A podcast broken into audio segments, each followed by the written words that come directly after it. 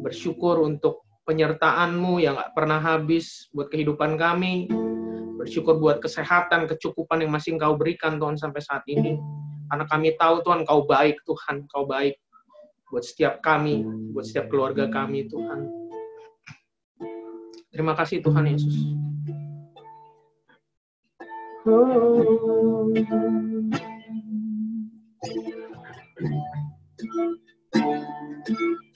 Oh.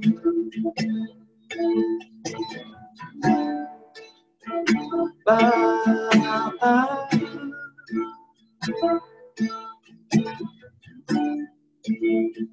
Engkau baik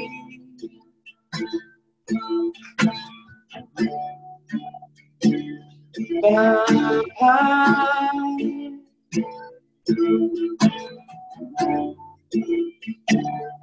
Engkau baik.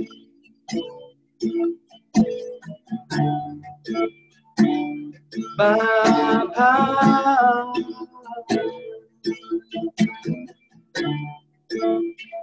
Hanya Engkau yang ku perlu. Bapa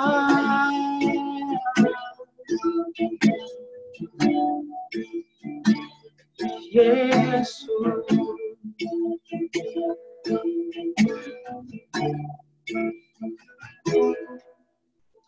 Tak akan pernah ku sesali mengiring Yesus sepanjang hidupku lewati lembah air mata ku saksikan kemuliaanmu dinyatakan. Berapapun harga yang harus ku bayar dan tetap setia melayani mengasihimu mengiringmu seumur hidupku. Janjimu kan tetap ku pegang teguh. Sampai ku dapat mahkota kehidupan.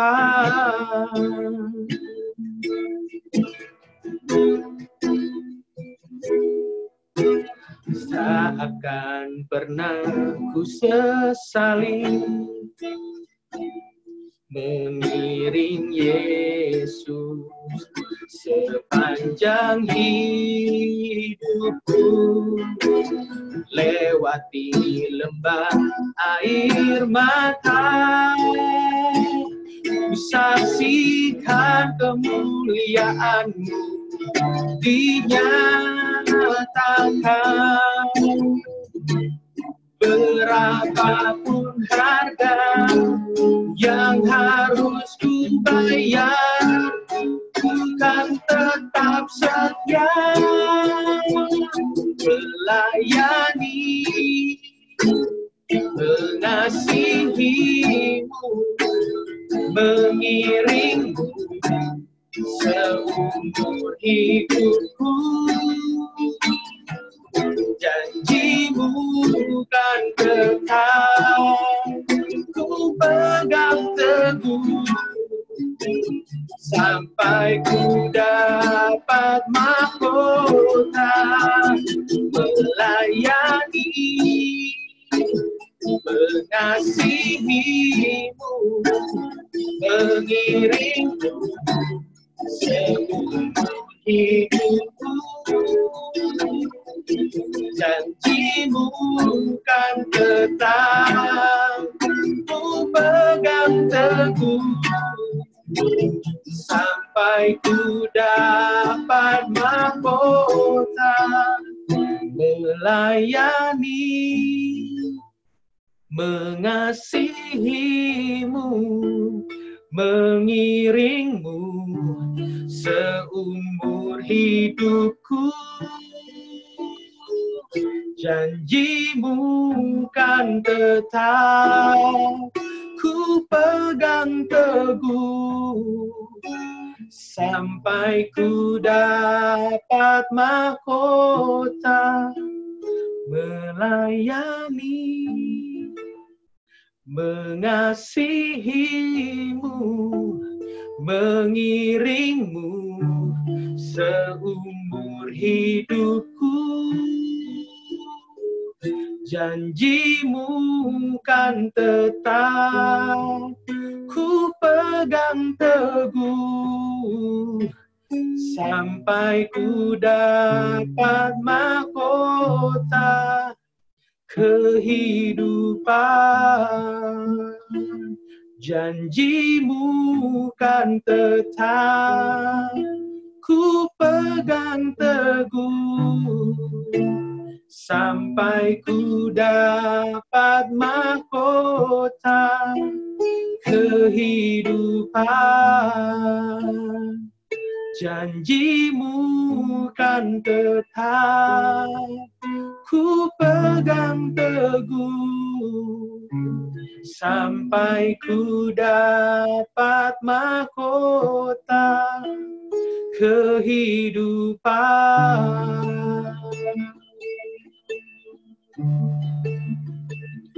Oh,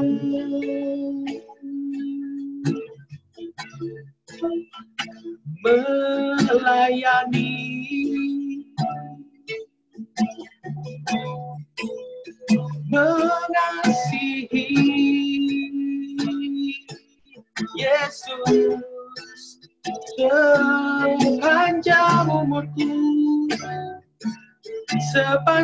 usiaku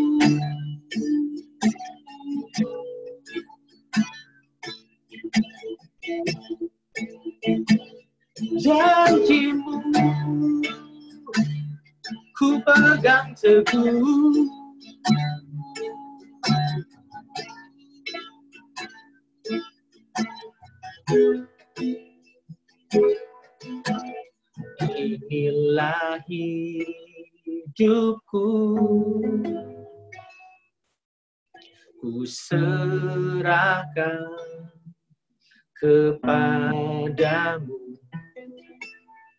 Inilah hatiku. Ku berikan bagimu. Ku tahu Tuhan rancanganmu yang terbaik bagiku. Ku tahu Tuhan pengorbananmu yang mulia bagiku. Oh, hanya dekat kepadamu. Aku rasakan tenang hanya dalam hadiratmu. Ku rasakan damaimu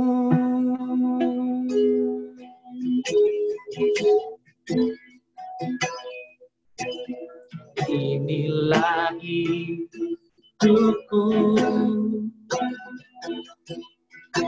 Serahkan kepadamu. Inilah hatiku berikan bagimu. Ku tahu Tuhan rancanganmu yang terbaik bagiku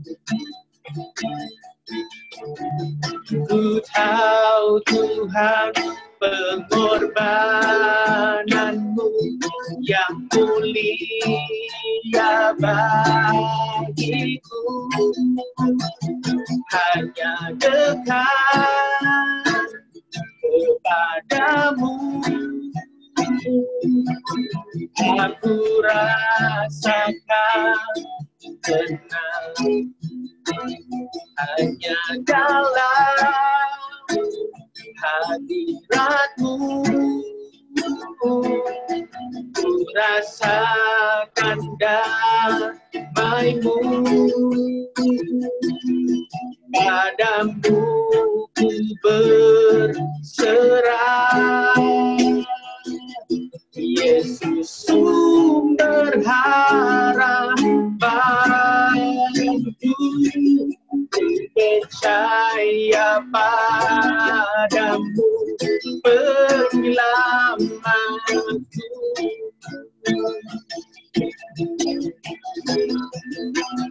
hanya dekat kepadamu aku rasakan tenang hanya dalam hadiratmu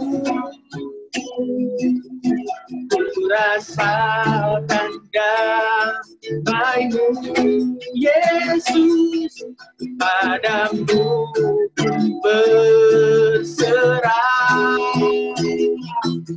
Yesus sumber harapanku percaya padamu penyelamatku walau sekalipun walau sekalipun berjalan dalam lembah yang gelap ku tak takut karena kau besertaku.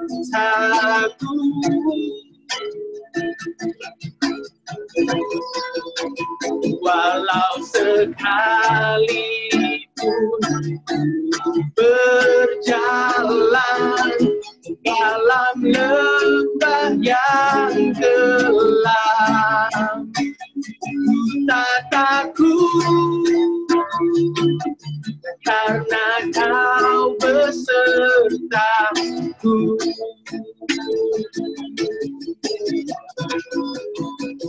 Hanya dekat kepadamu aku rasakan tenang hanya dalam hadiratmu. Ku rasakan damaimu. Hanya dekat kepadamu. Aku rasakan tenang hanya dalam hadiratmu. Ku rasakan damaimu. Padamu ku berserah. Yesus sumber harapanku ku percaya padamu penyelamatku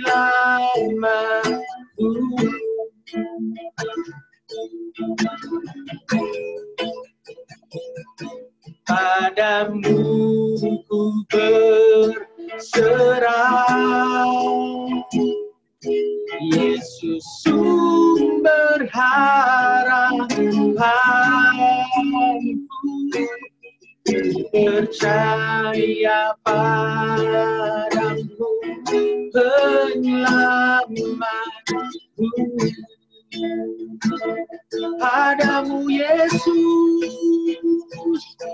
Padamu berserah. Yesus sumber harapanku percaya padamu penyelamatku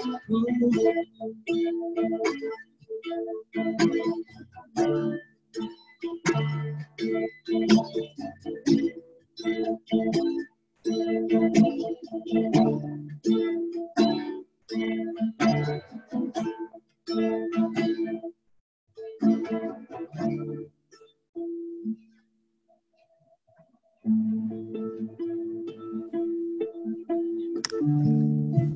mari kita sama-sama berdoa. Apa yang kami sembah di dalam nama Tuhan Yesus, kami syukur buat hari ini. Di mana kami sekarang, kami boleh berkumpul secara online Tuhan di acara home online tabungan ini. Ucap syukur untuk semua berkat yang Tuhan berikan. Dan penyertaan Tuhan, perlindungan Karena kami percaya bahwa Allah yang hidup, Allah yang berkenan atas kami. Allah yang ada atas kami kasih Tuhan, kasih Yesus. Kami memulai Tuhan, biarlah Tuhan Yesus menyatakan isi hatimu kepada kami Tuhan. Kami boleh saling sharing, saling menguatkan satu dan dan juga buat saudara-saudara kami yang mungkin dalam ini bagi waktu Tuhan yang, belum bisa masuk Tuhan kasih Tuhan kami nyatakan semuanya dalam tanganmu kali ini di dalam nama Tuhan Yesus kami mengucap syukur haleluya amin Oke, shalom semua. Terima kasih yang sudah bergabung. Ada Bro Heri, ada Ko Johan, ada Ko Hendra, ada Budi, ada Tante Helena, siapa lagi nih coba saya lihat. Ibu Sumi ya ini ya. Oke, selamat bergabung. Ibu Julianti juga. Oke, eh, Bapak Ibu dan saudara sekalian, kita akan melanjutkan pembahasan kita tentang yang namanya tujuan hidup manusia. Ya. Oke, sebelumnya saya terima kasih bagi Bapak Ibu yang lanjut karena memang eh, ini menarik ya pelajaran ini. Karena bagi setiap kita pasti kita sedang mencari apa sih tujuan hidup kita dalam kehidupan ini. Gitu. Nah, bagi yang belum join minggu pertama, minggu kedua, mungkin saya sedikit kasih gambaran dulu apa yang udah kita sharingkan minggu, minggu pertama.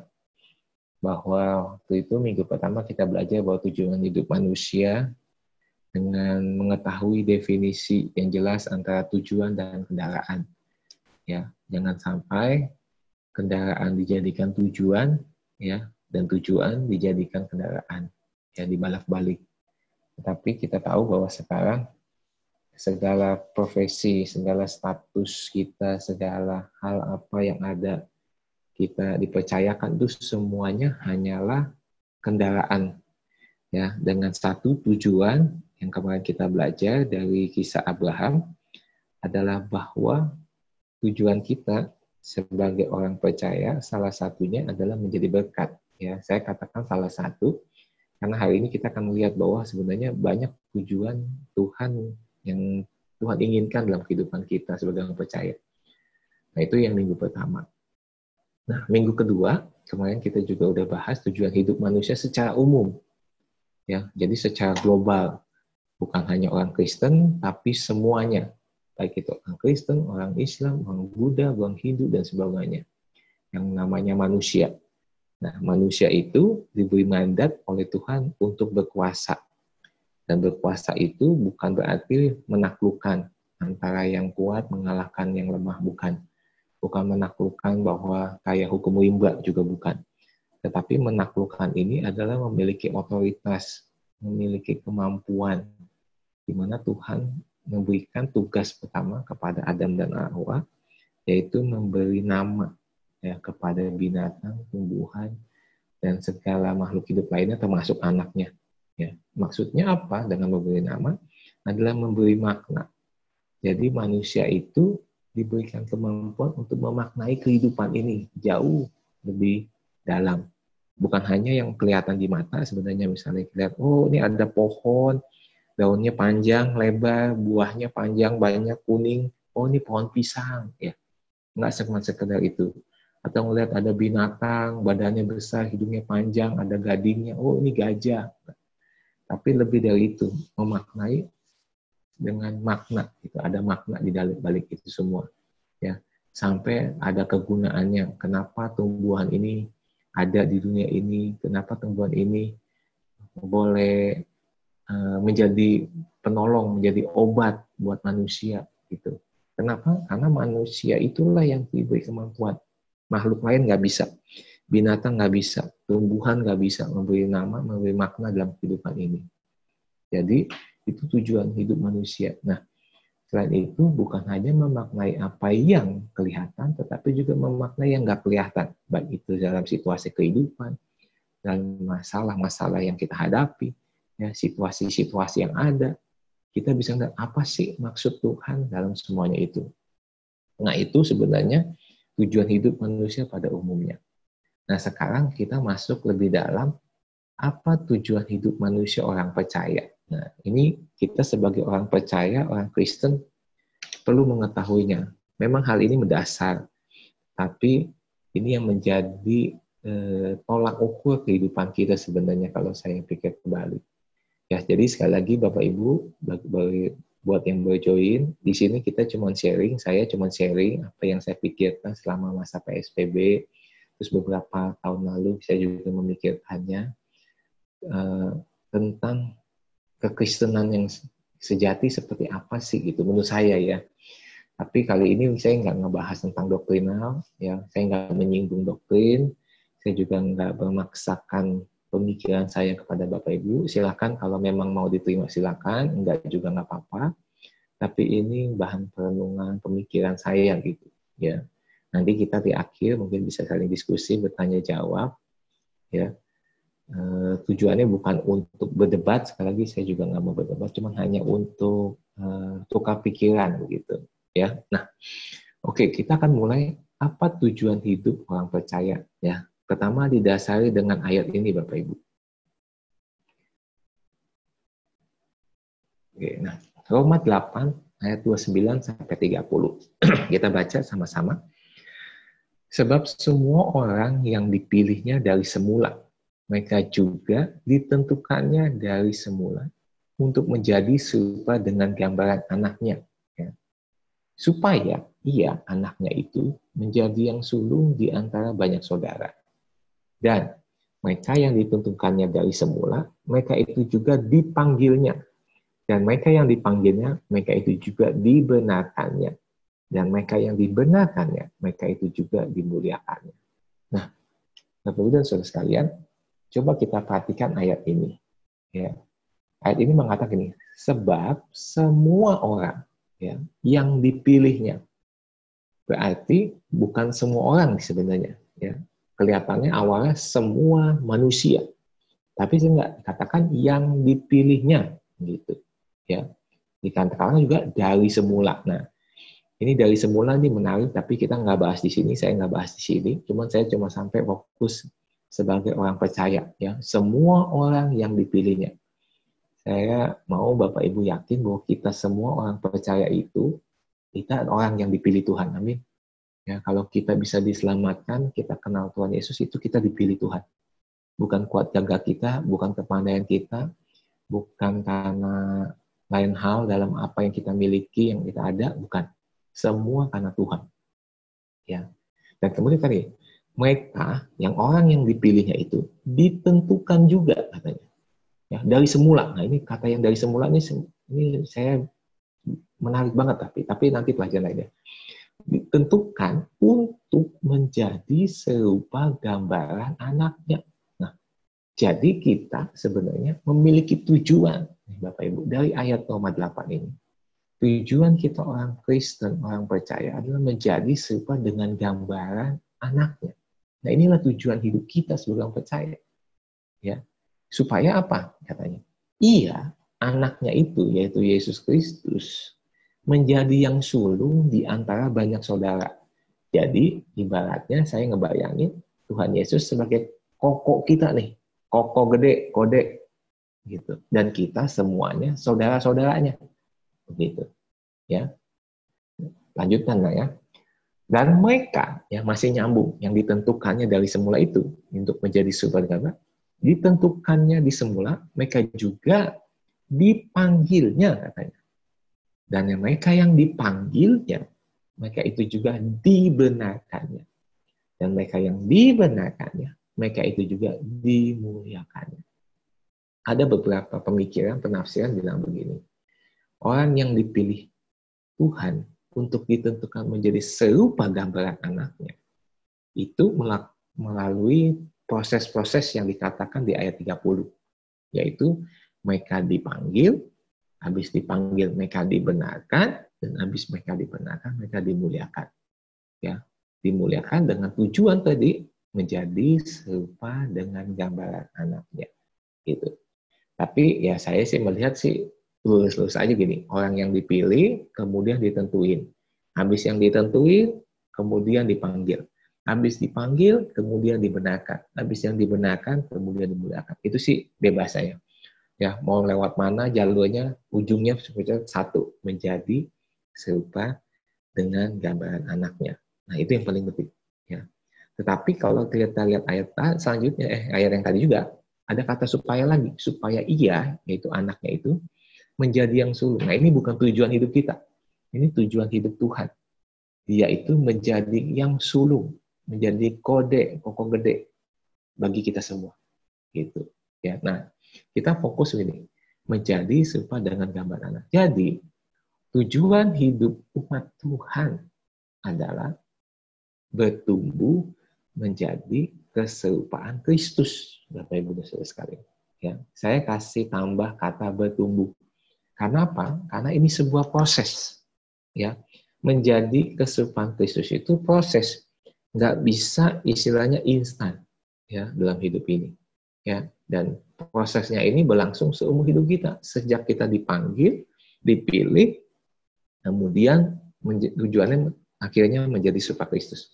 Itu proses, ya. Nah, kalau kita perhatikan baik-baik Bapak Ibu dan Saudara sekalian, menjadi serupa Kristus itu bagi orang percaya ini udah menjadi konsekuensi yang nggak bisa ditolak. Ya, ibaratnya suka nggak suka, mau nggak mau, setiap kita yang dipilih oleh Tuhan dari sejak semula ditentukan menjadi serupa Kristus titik udah itu aja. Ya, jadi udah apa ya nggak ada pilihan lain, nggak ada option lain, nggak ada jalan lain, tujuan lain nggak ada. Cuman satu-satunya yaitu menjadi serupa Kristus. Tidak itu aja. Nah, kenapa ini menjadi tujuan hidup orang percaya? Itu karena waktu kita flashback di kejadian, waktu Adam dan Hawa jatuh, ya Paulus mengatakan bahwa manusia itu semua sudah berdosa dan telah kehilangan kemuliaan Allah. Jadi ada bagian dari manusia itu yang pertama kali diciptakan hilang istilahnya. Kalau ibaratnya dalam sebuah handphone nih Bapak Ibu ya, ada aplikasinya yang hilang, di uninstall waktu jatuh dalam dosa. Nah, waktu kita dipilih Tuhan kembali menjadi orang percaya, ditentukan untuk menjadi serupa Kristus, ini udah menjadi konsekuensi. Ibaratnya gini, ada aplikasi baru lagi yang lama dulu tuh diinstal lagi ke dalam kita. Gitu. Ya. Jadi kalau bahasa handphone seperti itu menurut saya. Atau gini, kalau bahasa medis, kita ini kayak disuntikan, dicangkokkan DNA-nya Tuhan ke kita gitu. Ya, kita manusia berdosa. Awalnya memang Tuhan ciptakan serupa dan segambar kan kita kan udah belajar di tujuan hidup mana. Tetapi karena dosa telah kehilangan. Nah, waktu kehilangan itu kita nggak memiliki eh, gambaran kesukaan itu dengan utuh. Nah, waktu kita dipanggil, dipilih Tuhan, Bapak Ibu sekalian, kita ini seakan-akan dipasangkan kembali. Gitu. Ya. Dipasangkan kembali. Ya. Jadi, ini udah menjadi konsekuensi kita yang nggak bisa ditolak sama sekali. Ya. Mau nggak mau, suka nggak suka, mau tua mau muda, ya kita dipanggil Tuhan kayak tujuannya cuma satu, menjadi serupa Kristus. Nah, saya pikirkan gini, kapan itu terjadi? Tentu waktu kita bertobat pertama kali terima Yesus, waktu kita lahir baru. Waktu kita mengakui dia sebagai Tuhan dan Juru Selamat, saat itu juga Tuhan menginstall kita, memasangkan aplikasi, ya, memasangkan hal yang hilang itu untuk kembali kepada rancangan awal, yaitu keserupaan dengan Tuhan. Ibaratnya begini sekarang Bapak Ibu ilustrasinya. Jadi sekarang kita orang percaya ini, suka nggak suka, nanti ujung-ujungnya adalah menjadi serupa Kristus. Begitu. Ya. Ibarat misalnya kita lihat telur burung deh atau telur ayam menetas jadi ayam. Ya. Dikasih makan, dikasih minum, dipelihara, ya pasti nanti jadi ayam. Nggak mungkin jadi kucing, itu nggak? Pasti. Jadi udah ditentukan tuh. Ayam menetas ditentukan jadi ayam dewasa. Mau ayam jago kan atau ayam betina? Jadi ayam. Nggak mungkin kita kasih makan ya. Makanannya kita ubah mungkin. Oh kita kasih ikan. Ya, ayam makan juga. Dia kagak tahu beda ikan mana cacing. Makan aja ya. tapi tetap jadinya ayam bukan jadi kucing begitu Begitu juga yang lain, anak kucing. Lahir dari kucing induknya. Dikasih makan, dikasih susu, kasih susu sapi. Tetap jadi kucing, nggak mungkin jadi sapi. Nah, kita juga begitu. Ya.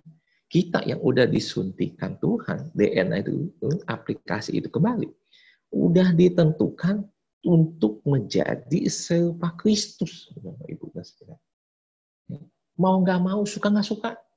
Ya. Atau saya kasih ilustrasi lain begini. Kalau sampai ada keluarga raja, kemudian istrinya mengandung, punya bayi raja nih. Ya. Pasti anak ini ditentukan untuk menjadi ahli waris kerajaan itu. Nggak mungkin enggak. Udah ditentuin. Oh, pewaris kerajaan, ibaratnya kita bayangin kerajaan Inggris Ya. Anak pertama, wah udah jadi pangeran. Siap-siap gantiin nanti jadi raja. Udah ditentukan. Tapi mungkin waktu lahir, waktu masih baik, belum masih ditolong, belum masih disuapin, belum masih dicebokin, belum masih di ah, dibantu, dibelajar banyak deh pokoknya. Tetapi tahu ditentukan menjadi raja. Gitu mau nggak mau, suka nggak suka dia. Begitu. Ya. Dia jadi pengganti bapaknya atau ibunya. Begitu. Nah, kita pun juga begitu, Bapak Ibu. Waktu kita dipanggil, kita harus sadar sesadar-sadarnya bahwa kita ini udah ditentukan dari semula. Bayangin, saya ini aduh, dari semula itu banyak. Bisa dibilang itu sebelum kita ada, sebelum orang tua kita ada, sebelum kakek nenek kita ada, kita udah dipilih, ditentukan dari semula bahwa kita menjadi serupa Kristus. Ya. Nah, kan kita lanjut lagi. Saya harap Bapak Ibu bukan jadi tambah stres nih tahu hal ini. Ya. Serupa dengan segambar Kristus itu, kalau kita lihat di Alkitab, Bapak Ibu, terminologinya atau istilahnya di Alkitab banyak sebenarnya. Tetapi tetap ujungnya cuma satu. Begitu. Ada kalau kali istilah gereja, istilah Kristen, ada anak Tuhan lah, ada hamba Tuhan lah, ada saksi Kristus lah, kalau di Alkitab, ada murid Kristus, ada juga mempelai Kristus, Sebenarnya intinya cuma satu, serupa Kristus. Udah itu aja. gitu ya. Namanya anak Tuhan. Ya pasti mirip orang tuanya Tuhan. Ya anak Handri yang mirip Handri Bapak Ibu. Nggak mungkin mirip si Robert. Tuh nggak mungkin banget. Betul nggak anak Handri yang miripnya Handri dong betul. Ya hamba Tuhan namanya hamba majikan. Kita kerja nih. Ya mungkin pakai seragam seragam kantor mobil-mobil kantor ada nama-nama kantor. Kita ke mana aja pergi bawa nama kantor tempat kerja kita. Nah kita hamba Tuhan kerja sama Tuhan. Pasti ke mana-mana Tuhan yang kita bawa. Iya kalau misalnya kita aja ketemu misalnya ketemu sales apa nih handphone wah terus dia melakukan sesuatu yang gak enak ke kita kadang ada orang bisa benci tuh sama barang handphone itu Padahal itu orang oknumnya, bayang. Nggak banyak kan Bapak Ibu kita tahu banyak gereja. Padahal cuma orang, oh, ini orang Sungai Yordan. Langsung capnya Sungai Yordannya yang jelek Ibu. Nah jadi hamba Tuhan itu ujung-ujung itu sama. Oh, ya itu mirip sama Tuhan. Apalagi? Saksi Kristus. Yang berarti apa? Yang disaksikan ya Kristus, yang diomongin Kristus, yang ditampilkan Kristus. Ya murid Kristus. Ya sama. Murid Kristus kita berarti muridnya Kristus. Yang ditampilkan apa? Kristusnya. Bukan kitanya sebenarnya. Apalagi mempelai Kristus. Ya berarti ada kesesuaian ya ibaratnya seksi mikirnya gini bapak ibu ya kucing menikahnya sama kucing nggak mungkin dia menikah sama anjing ya gajah yang menikah sama gajah nggak mungkin sama binatang lain Nah, kita mempelai Kristus. Kenapa kita sebutan mempelai Kristus? Karena Kristus mau menikah dengan yang serupa Kristus. Nggak mungkin dia menikah dengan serupa, bukan yang serupa. Ya kita manusia menikah sama yang serupa. Manusia juga. Nggak mungkin sama binatang. Kan gitu. Jadi intinya sama sebenarnya. Mau terminologinya, istilahnya kayak apa pun Bapak Ibu. Ujungnya cuma satu. Serupa Kristus. Gitu. Nah, kalau kita tarik pelajaran kemarin, yang pertama, bahwa manusia diciptakan segambar dan serupa dengan Tuhan. Ya. Berarti memang tadi sebenarnya ada hal yang hilang, hal yang terambil ya atau terinstall gitu dalam hidup manusia itu. Makanya Tuhan membalikkan itu semua dan memasangkan kembali hanya manusia yang punya kemampuan seperti itu, Bapak Ibu. Hanya manusia. Karena memang dari awal diciptakan serupa dan segambar. Begitu. Nah, karena keserupaan ini, karena dosa, keserupaannya jadi hilang.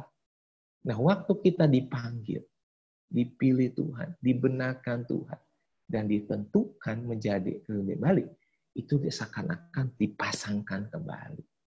Ya diinstal kembali. Ya. Jadi memang cuman manusia itu doang yang bisa menjadi serupa Kristus. Binatang nggak bisa. Ya. Tumbuhan juga nggak bisa. Termasuk sebenarnya malaikat seindah-indahnya, sehebat-hebatnya malaikat, dia tidak diciptakan serupa segambar dengan Tuhan. Enggak. Kalau sekalipun malaikat ikut bekerja di dalam karya salib Tuhan yang luar biasa itu, dia nggak pernah ditentukan untuk serupa dengan gambar Kristus. Nggak pernah. Hanya manusia yang udah ditentukan. Ini sebuah privilege kita sebagai manusia. Ya. Jadi kita manusia yang memang punya kapasitas dari awal sejak Adam dan Hawa ciptakan nenek moyang kita itu kita itu punya kemampuan untuk berkomunikasi dengan Tuhan. Yang pernah saya sharingkan di ibadah umum. Kita ini punya otak depan yang membedakan kita dengan binatang. Yang membuat kita bisa berkomunikasi dengan Tuhan. Yang membuat kita bisa memikirkan tentang Tuhan. Yang bisa memikirkan tentang kehidupan setelah kehidupan ini di dunia ini. Bahkan kita bisa berkomunikasi intens dengan Tuhan. Cuma manusia yang diciptakan seperti itu. Makhluk lain tidak ada. Nggak ada Bapak Ibu. Jadi sebenarnya orang percaya itu sederhana gini, kita lagi dikembalikan ke rancangan awal. Serupa dan segambar dengan Tuhan. Gitu. Nah, kitalah yang mendapatkan privilege untuk bisa kembali ke sana. Gitu. Ya. Nah, jadi kita patut bersyukur. Bukan karena kuat gagah kita, bukan karena hebat kita, bukan. Tetapi memang karena Tuhan yang memilih kita, memanggil. Gitu. Nah, Bapak Ibu, kesurupan dengan Kristus yang tadi saya katakan udah menjadi konsekuensi mutlak yang nggak bisa ditolak, yang nggak bisa dibatalkan sebenarnya. Tapi sih bisa dibatalkan sepihak kalau kita sampai menyangkal Tuhan. Kita meninggalkan Tuhan. Tapi siapa yang tahu semuanya Bapak Ibu? Hati manusia siapa yang tahu sih? Ya, Mungkin ada artis kita lihat, wah dia kok murtad ya. Tapi kita kan nggak tahu jalan hidupnya. Apa tahu waktu sebelum dia meninggal, sebulan sebelumnya dia bertobat lagi? Saya nggak tahu juga. Jadi ya, kita nggak usah menghakimi. Tetapi pada dasarnya gitu, keserupaan dengan Kristus itu udah menjadi hal yang mutlak, konsekuensi yang paling mutlak. Dan kalau saya bayangkan, ini bisa menjadi berkat dan menjadi kutuk buat kita. Berkat dalam arti kata apa? suatu saat nanti kita akan bersama-sama dengan Tuhan. Karena di surga sana, waktu kita jadi mempelai Kristus, kita bersama dengan Tuhan. Dan kutuknya apa? Maksud kutuk begini, gini, gini. Jadi, mau nggak mau, suka nggak suka, kita akan melewati proses pertumbuhan menjadi kesukaan Kristus. Mau nggak mau, Bapak Ibu. Ibaratnya gini, anak raja yang tadi saya ilustrasikan. Dia suka nggak suka harus belajar bagaimana hidup sebagai anak raja. Bagaimana cara bicara, dia nggak mesti bergaul juga yang benar. Nggak seperti orang sembarangan. Nggak bisa. Nggak bisa makan sembarangan. Nggak bisa. Itu udah jadi konsekuensi mutlak, titik. Itu aja. Tujuannya kamu sedang dipersiapkan menjadi raja. Nah sekarang kita konsekuensi mutlak kita jadi serupa Kristus. Mau nggak mau Bapak Ibu, hidup ini seakan diproses. Pasti ada pembentukan, ada pertumbuhan. Dan saya yakin nggak yang mengenakan daging. Nggak mengenakan. Ya. Nah jadi, waktu kita udah tahu bahwa tujuan hidup kita untuk kesurupan Kristus yang menjadi tujuan kita, Mau nggak mau, suka nggak suka, kita harus siap. Karena Tuhan akan pakai segala cara untuk membuat kita semakin suka Kristus. Segala cara Bapak Ibu. Ya, karena memang kita udah dipilih. Kita tidak dipanggil, kita udah dibenarkan, kita udah ditentukan untuk ke sana. Ya. Nah, waktu kita menyadari sungguh-sungguh bahwa kita ini memang udah ditentukan Ya, ini udah menjadi konsekuensi mutlak yang gak bisa ditawar dan ditolak. Maka cara pikir kita, pola pikir kita, perspektif kita, ya, respon hidup kita, cara pandang kita bisa mengubah apa pun yang kita hadapi. Ya. Jadi bukan lagi nanti kalau misalnya ada yang nggak enak masalah, oh ini adil atau nggak adil ya? Enggak lagi Bapak Ibu. Oh, ini pantas atau enggak pantas ya? Enggak lagi tuh Bapak Ibu. Oh, ini eh, layak atau enggak layak ya? Enggak lagi tuh Bapak Ibu. Atau, wah, ini enak atau enggak enak ya? Enggak. Enggak ada Bapak Ibu. Setiap situasi yang kita hadapi, baik itu yang enak maupun yang enggak enak, semuanya ya tujuannya kesukaan Kristus. Ya. Dan memang kebanyakan yang gak enak. Kenapa? Karena daging ini yang udah biasa yang enak-enak. Biasa yang apa ya? Instan-instan gitu. Tapi Tuhan mau proses kita nih. Dan ini ada pembentukan. Ya. Mau nggak mau jadinya. Kita akan mengubah pola pikir kita. Kalau kita benar-benar tahu bahwa kita memang sudah ditentukan untuk menjadi serupa Kristus. Ya. Jadi dengan kita menyadari sungguh pola pikir kita, cara pandang kita melihat hidup ini, langsung dikoneksikan. Hal ini ada ada hubungannya nggak ya dengan kesukaan Kristus? Ada maksud Tuhan nggak ya untuk membentuk saya serupa Kristus? Ya.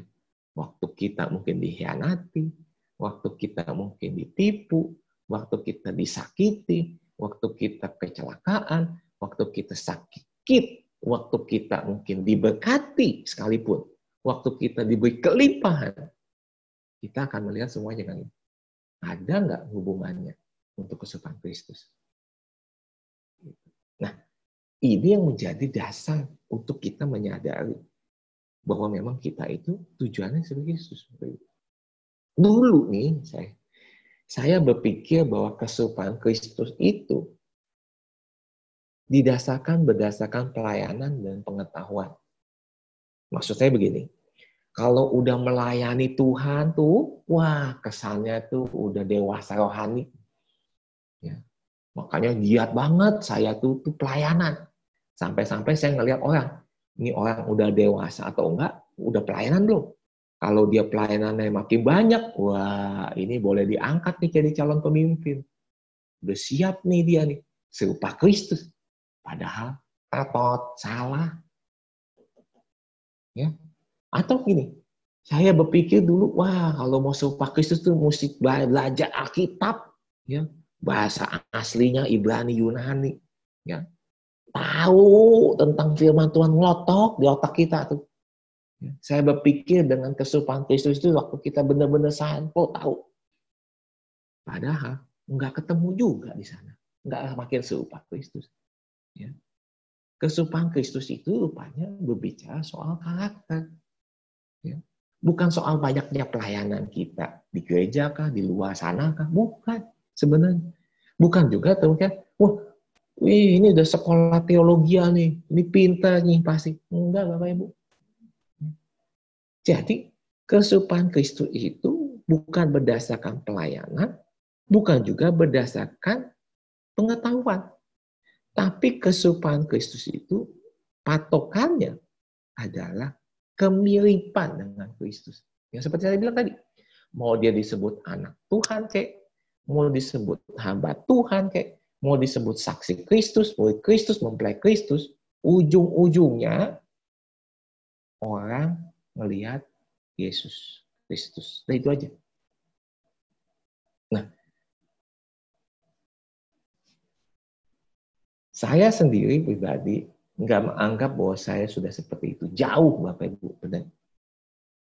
Ya, kalau Bapak Ibu ngelihat saya cuma seminggu sekali, Bapak Ibu cuma ngelihat malaikat yang kelihatan, yang saya tampilin. Kalau mau ngelihat aslinya saya ya di rumah saya. Ya. Mungkin sebagian orang di sini ya dari home tempat saya berhome udah sedikit tahu karakter saya. Gitu. Tapi kalau yang cuma tertinggu sekali, aduh, jujur aja saya katakan, semua Bapak Ibu udah saya bohongin. Karena saya nggak merasa bahwa saya sudah masih utus. Tapi saya mau menyadari segala sesuatu ada hubungannya untuk ke sana. Ya. Makanya sering kali saya bilang begini, kita nggak perlu menghakimi orang, kita sama-sama belajar. Ada yang belajar bisa cepat, ada yang belajarnya lambat. Nah, yang cepat bisa bantu yang lambat. Nah, yang lambat nggak perlu minder sama yang cepat. Kita sama-sama belajar kok. Begitu. Ya. Nah, karena itu juga kesukaan Kristus ini kita juga perlu belajar Bapak Ibu. Bukan masalah pelayanannya banyak kan? atau pengetahuannya. Enggak. Atau wah, kalau dia ini kalau nyanyi, kalau doa, uh kata-katanya panjang sekali. Terus kita lihat, wah ini orang hebat nih pasti dia bergaul dengan Tuhan nih. Udah semakin semakin belum tentu Bapak Ibu, belum tentu. Ya, belum tentu. Ya. Coba Bapak Ibu bayangkan kita sekarang jadi murid Kristus. Ya, atau kita jadi anak Tuhan deh. Terus kita cuma bisa muji-muji Tuhan. Oh Tuhan, kau hebat. Tuhan kau dahsyat. Ya. Atau ya kita ibaratkan di dunia sekarang, anak kita nih muji-muji. Oh, papa, kamu hebat. Papa, kamu luar biasa. Papa, engkau tambah gemuk. Gitu. Menurutnya, papa kita jadi papa jadi seneng gak sih? Hah? Cuma dipuji, puji begitu sama anak kita doang. Dia nggak pernah mau belajar, dia nggak pernah mau dididik, dia nggak pernah mau dengar nasihat kita. Saya rasa Tuhan juga begitu kan Bapak Ibu. Cuma kita uji, uji, oh, bisa bahasa lo berjam-jam. Tapi kita nggak pernah belajar karakternya Tuhan. Nggak pernah belajar semakin mirip Tuhan. Cuma tanya muji, muji, muji, muji. Bahasa berdoa, berdoa, berdoa. Wah, berjam-jam. Hebat. Tapi karakternya jauh. Sama, kita kalau jadi guru, murid kita cuma bilang, oh Pak Guru hebat, Pak Guru luar biasa, saya bangga jadi murid Pak Guru. Saya rasa gurunya juga kesel, kamu udah diem aja. Belajar yang benar, belajar. Jangan cuma muji-muji doang, kan gitu. Ibu. Betul? Jadi, kita benar-benar bukan masalah pengetahuannya, cuma tahunya doang.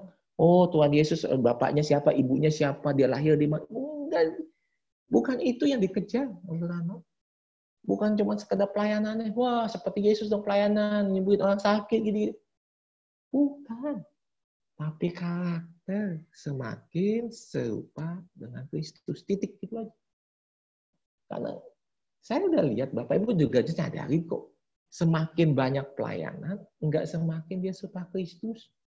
Semakin dia tahu firman, enggak semakin suka Kristus. Semakin banyak berdoa, enggak semakin suka Kristus. Enggak, enggak ada jaminan. Hanya kesukaan Kristus inilah, yaitu karakter ini yang yang Tuhan mau Bapak Ibu. Nah, karena itu saya menyebutnya ini sebagai universitas kesukaan Kristus. Yaitu apa? Di kehidupan kita ini Bapak Ibu. Ya, saya sebut universitas bukan sekolah. Karena universitas pakai bajunya bebas. Ngatur waktunya bebas. Ya. Tergantung kita, suka-suka kita. Kita mau kapan belajar, mau dari mana belajar, silakan. Ya, tetapi kita mesti jelas punya tujuan Bapak Ibu. Ingat, kita udah ditentukan dengan konsekuensi mutlak, mau nggak mau, suka nggak suka, harus terima. Engkau dan saya ditentukan serupa Kristus. Ya. Nah, kalau ngomong sekolah atau nama belajar kayak universitas, harus ada kurikulumnya. Ya. Nah, saya berpikir karakter Tuhan yang paling utama yang Alkitab juga katakan, yaitu Allah adalah kasih. Kasih itu adalah Allah. Allah itu adalah kasih. Nah, jadi karakter yang harus kita bangun adalah karakter Kristus yang adalah kasih. Saya melihat tulisan Paulus Bapak Ibu di dalam 1 Korintus 13 ayat 4 sampai 7 ini kalau saya baca lagi sebenarnya ini luar biasa hebat Paulus. Saya bilang jenius juga ya Paulus mengenai. Coba lihat Bapak Ibu. Dikatakan kasih itu sabar. Kasih itu murah hati. Ia tidak cemburu. Ia tidak memegahkan diri dan tidak sombong. Ia tidak melakukan yang tidak sopan dan tidak mencari keuntungan sendiri. Ia tidak pemarah dan tidak menyimpan kesalahan orang lain. Ia tidak bersuka cita karena ketidakadilan, tetapi ia bersuka cita karena kebenaran.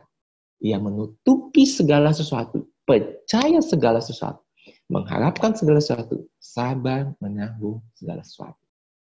Ya. Saya melihat ini benar-benar sederhana, tetapi powerful banget. Kalau Bapak Ibu lihat kata iya itu sebenarnya semuanya adalah kasih. Jadi kalau coba disimpulkan gini, kasih itu sabar, kasih itu murah hati. Kasih itu tidak cemburu, kasih itu tidak memegangkan diri, tidak sombong. Kasih itu tidak melakukannya tidak sopan dan tidak mencari kebenaran sendiri. Kasih itu tidak pemarah dan tidak menyimpan kesalahan orang lain. Kasih itu tidak bersuka cita karena ketidakadilan. Tetapi kasih itu bersuka cita karena kebenaran. Kasih menutupi segala sesuatu. Kasih itu percaya segala sesuatu, mengharapkan segala sesuatu, sabar menanggung segala sesuatu. Nah, kalau disederhanakan lagi nih Bapak Ibu, saya kemarin coret-coret-coret dengan kertas saya ini. Ibarat kalau kita dulu belajar matematika gini, A sama dengan B. A sama dengan C. berarti B sama dengan juga C, Bapak Ibu. Setuju nggak logikanya begitu? Ya, coba nih saya kasih coretan sedikit di sini, ya. supaya Bapak Ibu bisa lihat. Bisa nggak saya gambar ya? Hmm. ya. Kan ini tulisannya gini, kasih itu sabar, kasih itu murah hati. Ya. Nah, kalau misalnya digambarkan, Bapak Ibu, Tunggu, balik lagi. Eh, mati. Ya. Kasih itu sabar, kasih itu murah hati. Berarti kan gini Bapak Ibu, kalau logika matematikanya, ya, A sama dengan B, A sama dengan C. Berarti B sama dengan C. Jadi ibarat gini, kalau bilang kasih itu sabar, kasih itu berarti, sabar itu pun juga murah hati. Setuju nggak Bapak Ibu? Orang yang sabar pasti murah hati. Murah hati ini bukan bicara tentang bahwa dia itu suka memberi. Bukan sekedar itu, bukan. Lebih dalam segini, murah hati itu orangnya toleransi. Orangnya nggak cepat untuk menyalahkan. Dia sabar. Dia bahkan memberi kesempatan. Ya. Fleksibilitasnya tinggi.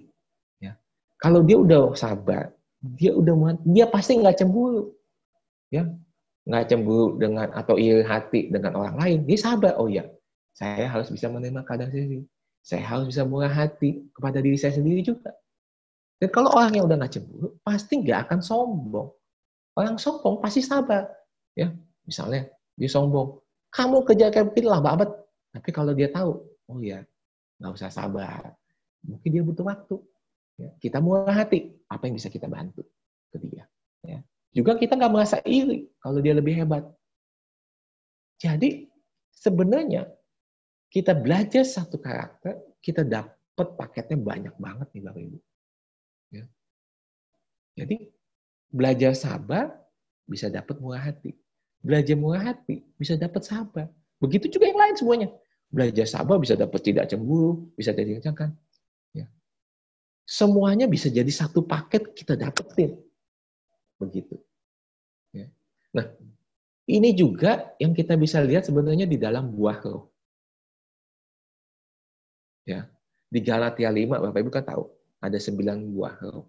Ya. Namanya buah roh bukan berarti roh yang bertanggung jawab untuk menghasilkan. Bukan. Maksudnya ada lagi, namanya buah itu kan, kalau misalnya nih, buah hati, ada pria, ada wanita, terjadilah buah. Ya. Tumbuhan sebenarnya bukan hanya sekedar pohon itu. Ya, ada penyebukan, ada penggabungan yang menghasilkan buah. Ya. Nah, buah itu maksudnya gini, ada kerjasama kita sama Roh Kudus dan itu menghasilkan buah. Ya, kita memang nggak bisa sendirian. Kita butuh Tuhan. Karena itu di dalam universitas kehidupan jelas dosennya adalah Roh Kudus. Ya. Itu sebagai dosen kita. Dia yang menuntun kita. Dia yang mengajar kita. Ya. Nah, kalau misalnya kita belajar universitas di Papua, saya nggak bayang ini cuma bayangan saya iseng doang. Universitas Kesurupan Kristus, fakultasnya kasih. Jurusannya terserah Bapak Ibu mau pilih mana. Mau mulai dari sabar dulu kak? Mau mulai dari murah hati kak? Semuanya kita masing-masing yang tahu. Tapi kalau bingung, mulai aja dari sabar. Saya praktekin ini beberapa tahun yang lalu nih Bapak Ibu. Ya. Saya coba belajar. Saya nggak menganggap bahwa saya sudah lebih baik. Ya. Memang ada perubahan. Ya. Tapi saya melihat ini sebuah progres yang bagus dalam kehidupan saya. Gitu. Jadi, waktu saya tahu tentang hal ini, bahwa saya ditentukan untuk semakin serupa Kristus. Ya ada saat-saat yang gak mengenakan, dan semuanya saya hubungkan. Oke, Tuhan mau apa ya dengan ini? Apa yang membuat saya bisa semakin serupa Kristus dengan hal ini? Begitu. Apa sih yang harus saya kerjakan? Begitu. Apa yang harus saya pahami dengan kesukaan Kristus ini? Ya. Kalau enggak, kita enggak akan pernah akan berpikir ke arah sana lagi, Bapak Ibu. Ya. Kita pokoknya tahunya Oh ya udah pokoknya hidup ini begini aja. Enak nggak enak, suka nggak suka. Tapi sebenarnya semuanya ada hubungan. Ya. Waktu saya tahu hal ini pertama kali, saya coba belajar, oke, okay, kalau dibilang kasih, itu sabar, kasih itu murah hati, dia tidak cemburu. Saya coba waktu itu mulai dengan sabar. Ya. Saya mulai membaca Alkitab dari awal, tapi fokusnya dengan sabar. Ya, saya kasih sedikit kesaksian begini Bapak Ibu. Jadi waktu saya mulai, oke okay, Tuhan, saya mau semakin serupa Kristus. Ya, belajar karakter Kristus yang adalah kasih itu. Saya mengambil jurusan yang pertama saya sabar. Saya membaca bukunya apa, textbooknya apa. Kalau sekolah, kuliah kan ada bukunya. Ya Alkitab. Oke, saya baca Alkitab Tuhan.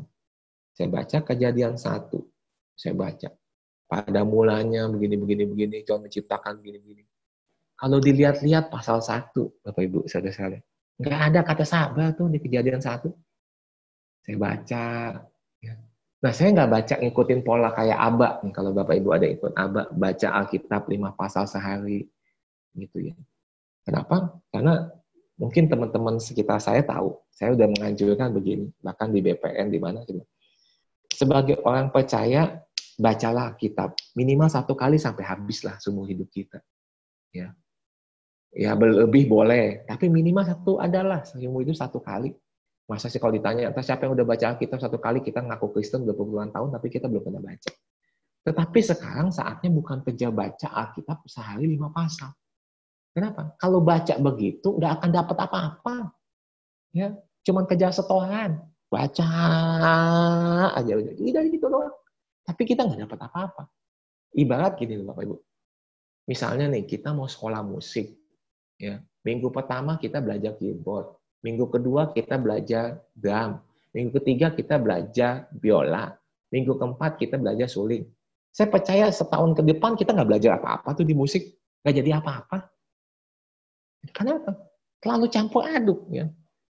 Ya, begitu juga kalau kita lihat di gereja. Khotbah yang pertama ngomong ke kritisme, besoknya khotbahnya tentang berkat, besoknya khotbahnya tentang ini. Saya rasa kita juga nggak dapat apa-apa tuh. Ya, bahkan memang penelitian, bilangan riset juga mengatakan orang ke gereja ya, paling cuma sehari dua hari ingat khotbahnya, sisanya habis itu udah lupa khotbah apa minggu lalu. Nah, jadi sebenarnya saya pikir-pikir, wah, repot juga kita kalau gitu. Ya. Nah, kita harus belajar satu aja tuh, fokus satu. Ya, kayak kayak ibu-ibu belajar masak. Jangan hari ini belajar masak bikin bacang, besok bikin kue ulang tahun, besok bikinnya siomay, besok nggak jadi-jadi itu bikin kayak gitu. Jadi mesti satu dulu fokus oke, mau bikin apa nih? Belajar. Bikin kue ya udah kue ulang tahun, kue bolu kukus, pokoknya kue aja tuh si fokusin. Nah, jadi tuh bisa buka bakery. Ya, tapi kalau diganti-ganti, nggak jadi-jadi. Nah, saya pikir juga begitu. Udah saya fokus deh, saya mau belajar sabar. Saya baca kejadian satu dari awal sampai akhir. Satu pasal aja. Saya Tuhan nggak ketemu kata sabar ya, mana sabar kan? Gitu. Saya udah, saya tinggalin. Besoknya saya baca lagi. Saya ulang lagi baca lagi. Mana sabarnya ya? Nah, suatu hari, entah saya tahu hari keberapa, saya tanya, hari pertama, hari kedua, eh, lama amat sih Tuhan bikin dunia. Kan Tuhan luar biasa. Sekali sentikan jari juga jadi. Terus lagi, saya mulai jadi enggak. Iya ya, kenapa Tuhan gak bikin dalam sekejap aja ya? Kalau Tuhan bikin sekejap, jangan-jangan ya pas kejadian satu cuma gini, Tuhan menciptakan segala sesuatunya dengan sempurna dalam sekejap. Titik, begitu bang. Tapi kenapa Tuhan sampai bilang, hari pertama Tuhan menciptakan, hari kedua nih, hari ketiga nih, hari keempat nih. Kenapa masih sampai begini ya? Lama banget. Gitu. Dan saya mulai sadar Bapak Ibu waktu itu entah boleh dibilang roh kudus kah, atau hati nurani atau pikiran saya, dia percaya karena hati nurani dan roh kudus bercatu. Ingin, kenapa Tuhan mau bikin sampai tujuh hari atau enam hari? Ya karena Tuhan sabar sama manusia. Coba kalau cuma dalam sekejap aja, seketika, mana bisa kita ngerti otak kita yang segede bakpao gini. Tuhan menciptakan dengan seketika, udah gitu dong. Kita kita juga bingung kali. Ya. Dari itu Tuhan mulai belajar. Nah, jadi sabar. Ya. Semuanya ada waktunya. Oh iya. Nah, dari situ saya belajar sabar. Satu hal peka bahwa segala sesuatu ada waktunya, mesti sabar. Oke, setelah saya dapat nih Bapak Ibu, saya loncat ke kejadian kedua. Kejadian kedua tentang kita lihat eh, apa tuh? Adam dan Hawa, ya. Nah, manusia diciptakan. Adam udah ditempatkan di Taman Eden. Ya, nanti Bapak Ibu bisa baca di kejadian dua. Kemudian Tuhan lihat dia seorang diri. Tuhan kemudian kirim penolong. Dikirimnya binatang, burung, dan sebagainya. Dan kemudian dari situlah yang kemarin kita bahas. Ada memberi nama, karena ditugaskan Tuhan untuk memberi nama, memberi makna. Tetapi Tuhan lihat nggak ada penolong yang sepadan. Akhirnya si Adam suruh tidur. Adam tidur, diambilnya lah tulang rusuk, diambillah bentuk jadilah perempuan. Dan Adam kaget, inilah dia, tulang dari tulangku. Saya pikir, mana sabarnya ini ayat ya. Saya juga nggak dapat, Bapak Ibu. Nggak ada kata sabar, di mana sabarnya. Ya. Saya coba renungin, renungin, nggak ketemu. Besok saya baca lagi, nggak ketemu. Saya nggak ketemu, saya baca terus itu, sampai ketemu. Tuhan, ini sabarnya mana? Gitu. Sampai suatu hari, saya nggak tahu kapan juga. Cuma kayak gini. Kamu lihat nggak ada waktu ciptakan? Aku merasa kasihan dia sendirian. Terus aku kirim dia penolong. Awalnya aku kirim binatang dan nggak yang nggak sepadan. Gitu. Tapi yang setelah itu aku tahu yang sepadan itu dari dirinya sendiri. Jadi apa Tuhan belajar sabar aja. Kamu bisa nggak sabar sama orang, sabar sama anak kamu, Ya. Kalau dia nggak mampu, bantu dia. Kamu bantu apa yang bisa kamu bantu. Nah itu butuh kesabaran. Kamu bantuin dia, bantu kejain apa yang dia butuhkan. Dan kalau sampai dia tetap nggak bisa, cari apa yang dia bisa. Nah itu butuh sabar itu. Nggak gampang kan itu. Iya juga sih Tuhan ya. Saya kadang marah sama anak saya. Udah dibilangin sekali, nggak dengar juga. Mestinya kan kamu ya bantu dia dong ya. Tolong dia dong. Kirim penolong ke atau kamu bantuin dia jadi penolong ke kalau enggak coba temukan potensi yang ada di dia apa. Gitu. kamu mesti sabar. Oh iya.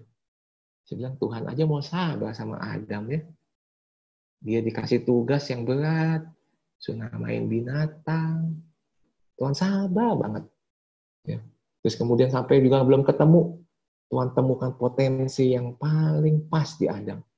Sehingga menemukan sesuatu yang luar biasa. Bilang, saya mesti sabar ya Tuhan. Nah, saya mulai begitu, Bapak Ibu belajar begitu. Kejadian tiga, wah ini lebih, menurut saya lebih lebih gampang.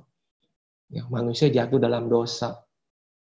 Kemudian mereka makan buah yang dilarang Tuhan, tapi manusia nggak mati. Saya bisa langsung lihat, wah Tuhan sabar banget. Padahal kejadian dua bilang, kalau kamu makan, kamu mati nih.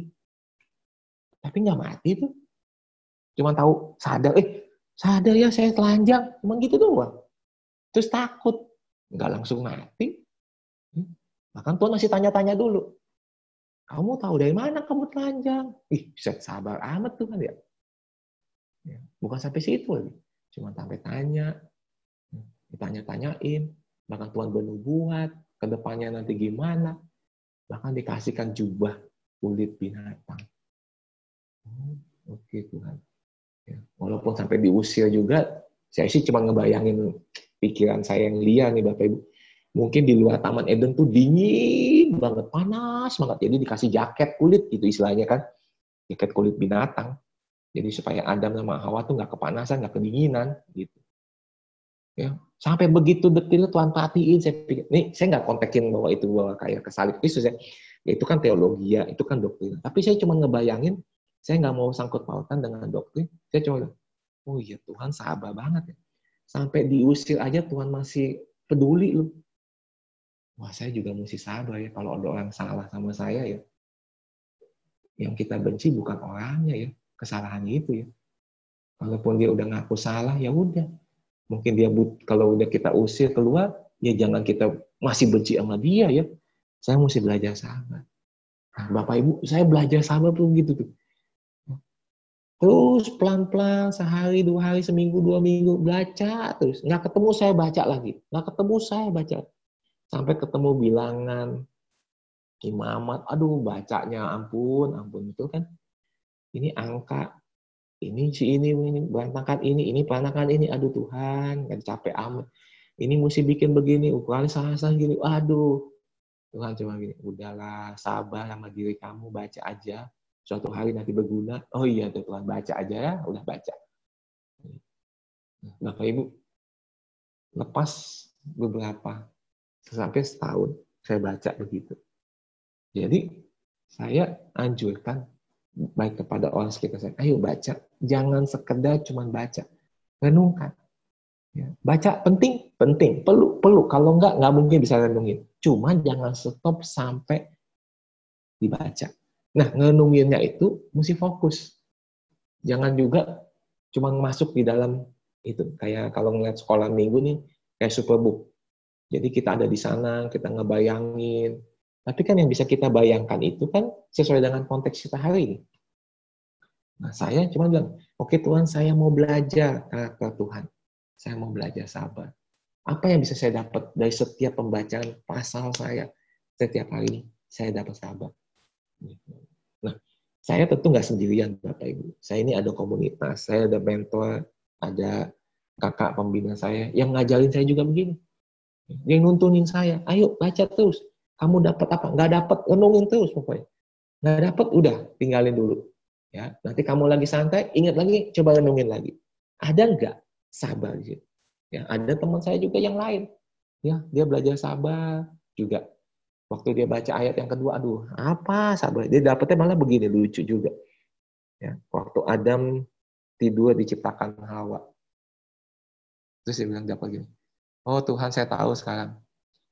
Tuhan bilang kalau Tuhan mau istri saya dibentuk oleh Tuhan, ya, saya seperti Adam tidur aja.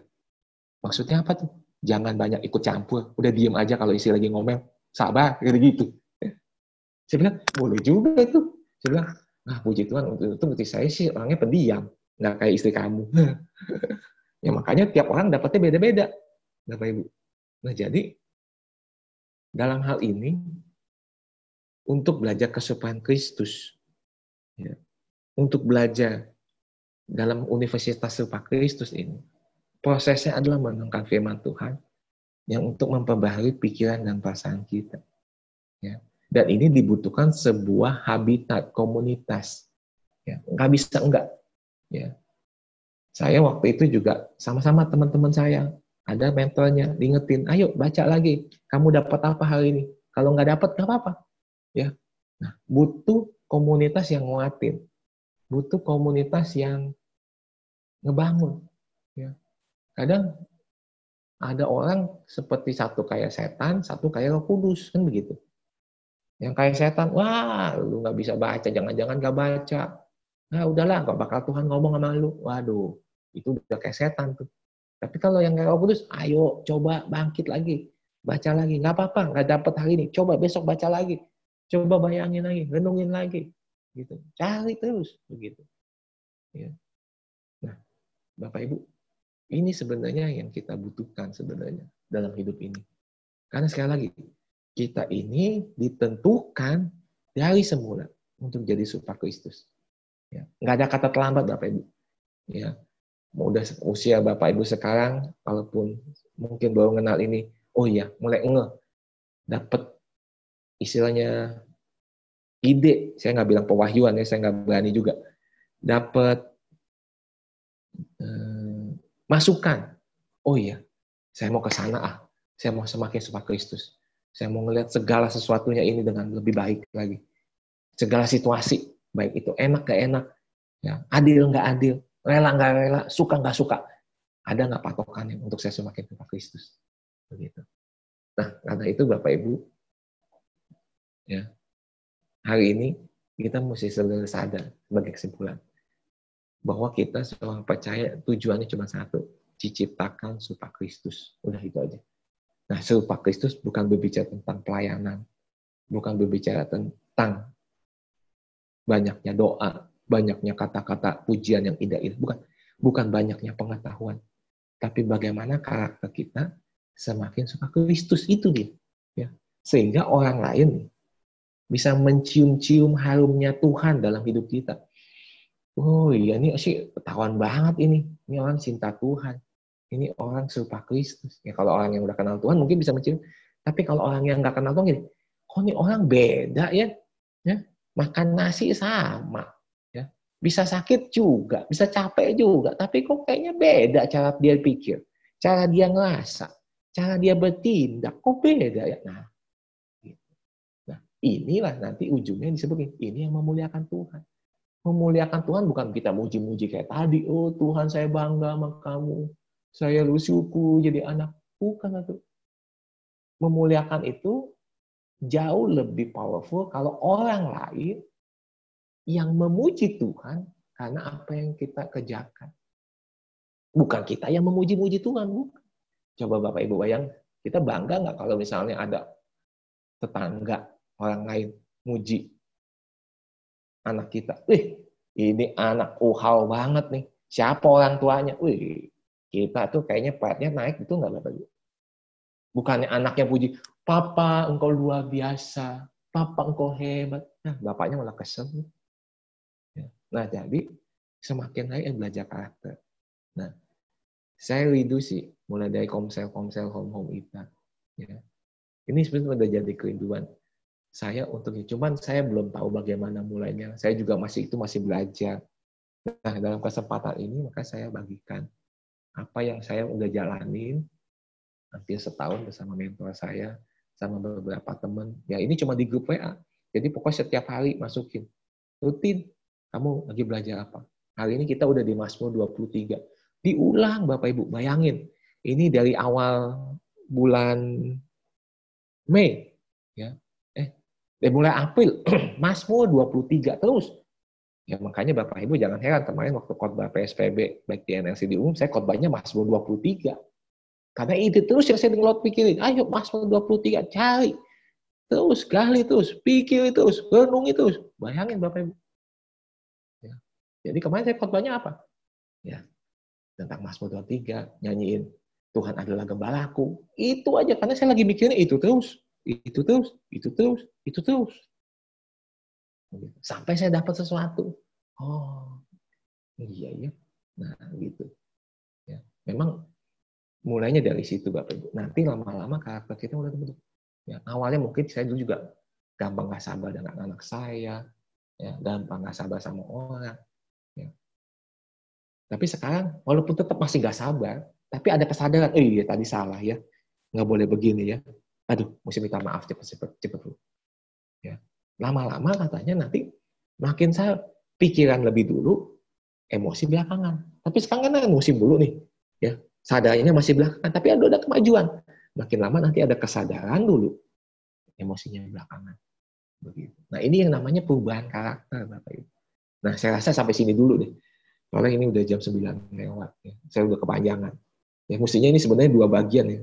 Sorry, saya mestinya dari awal kasih tahu ini agak panjang. Gitu. Oke, saya rasa cukup Bapak Ibu. Mungkin Bapak Ibu ada yang mau sharing. saya unmute semuanya atau ada yang mau bertanya?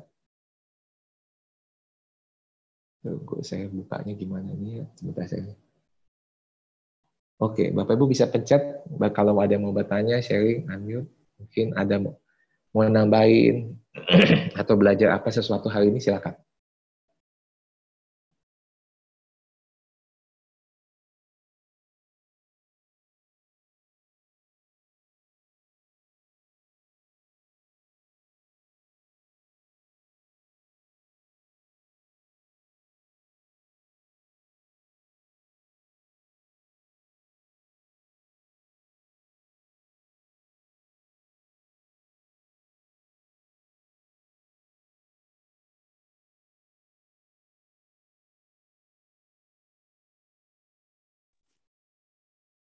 Halo.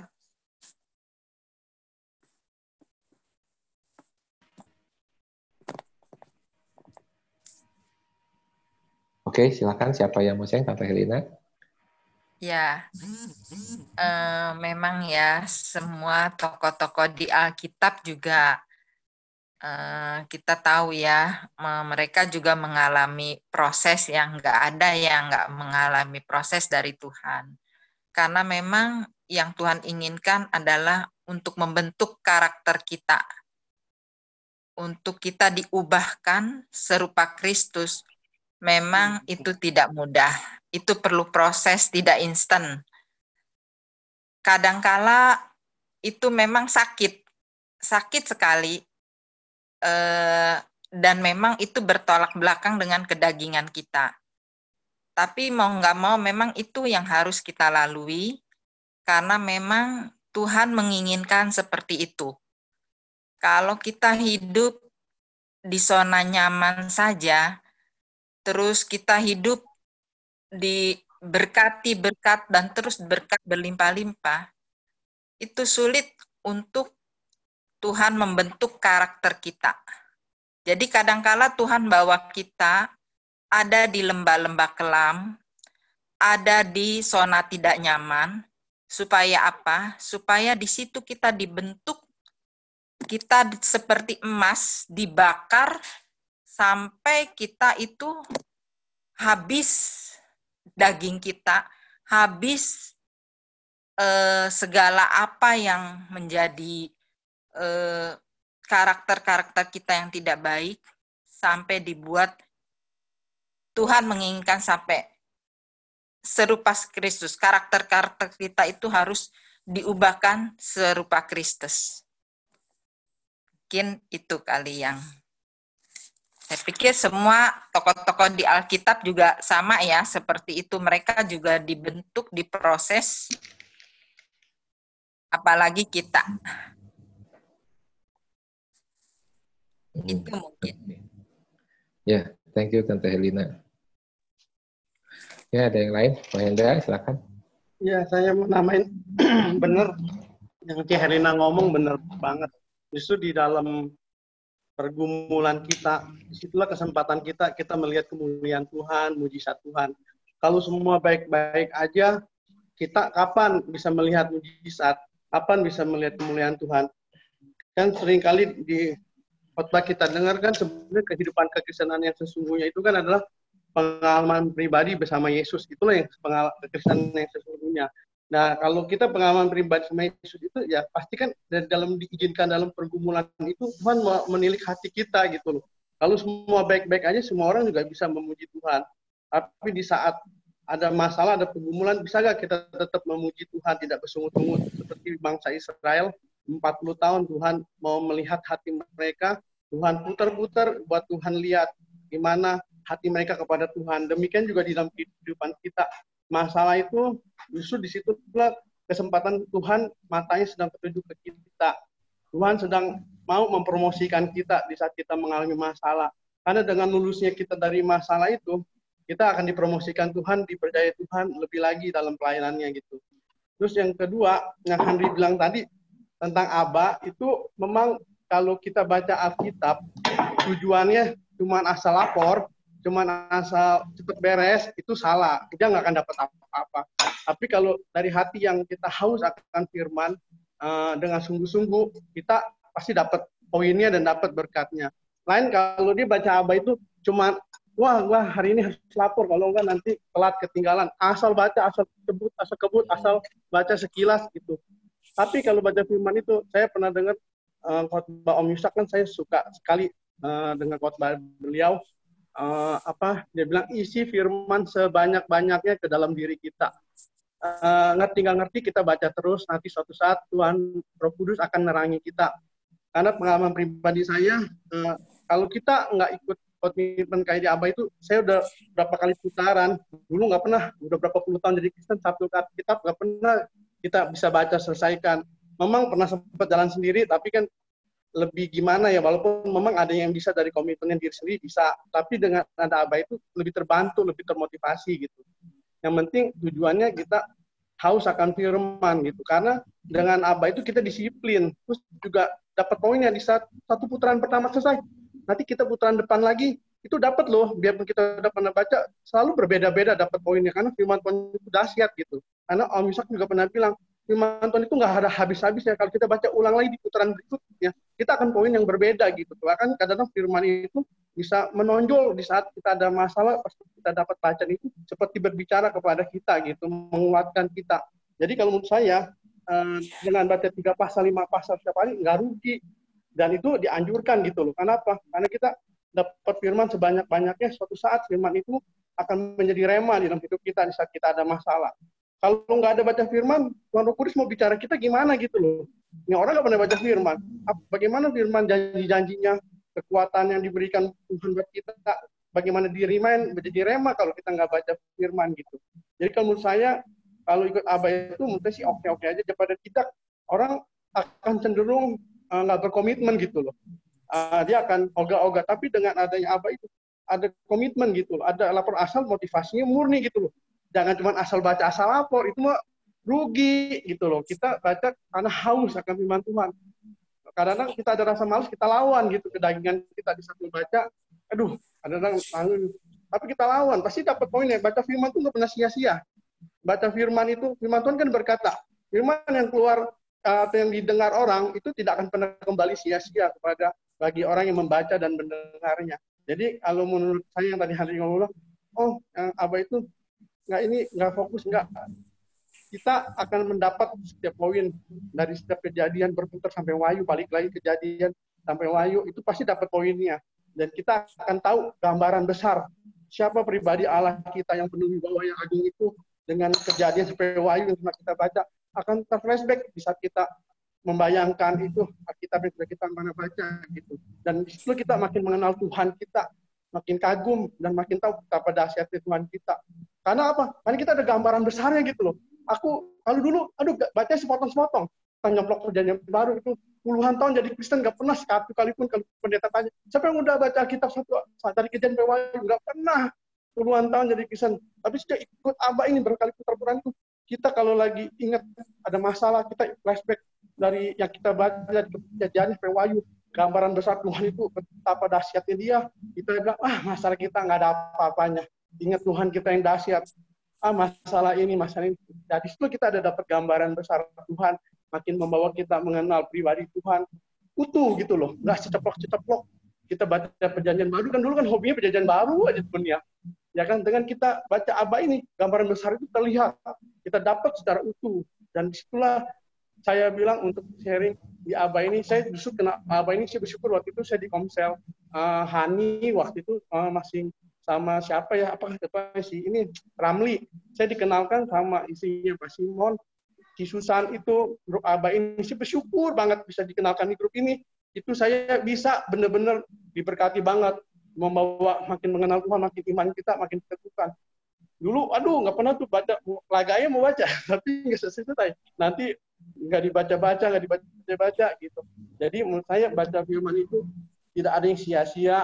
Kalau nggak dimulai komitmen, uh, bahkan ada yang sampai satu hari yang punya waktu lebih banyak bisa 10 pasal, lima pasal, tiga pasal, is oke okay, satu pasal pun nggak apa-apa. Yang penting adalah dalam setiap hari itu kita isi gitu di dalam kehidupan kita firman itu gitu.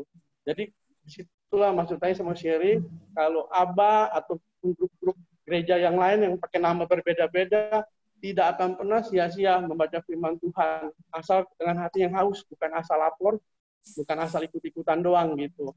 Itu aja sih Andri buat sharingnya gitu.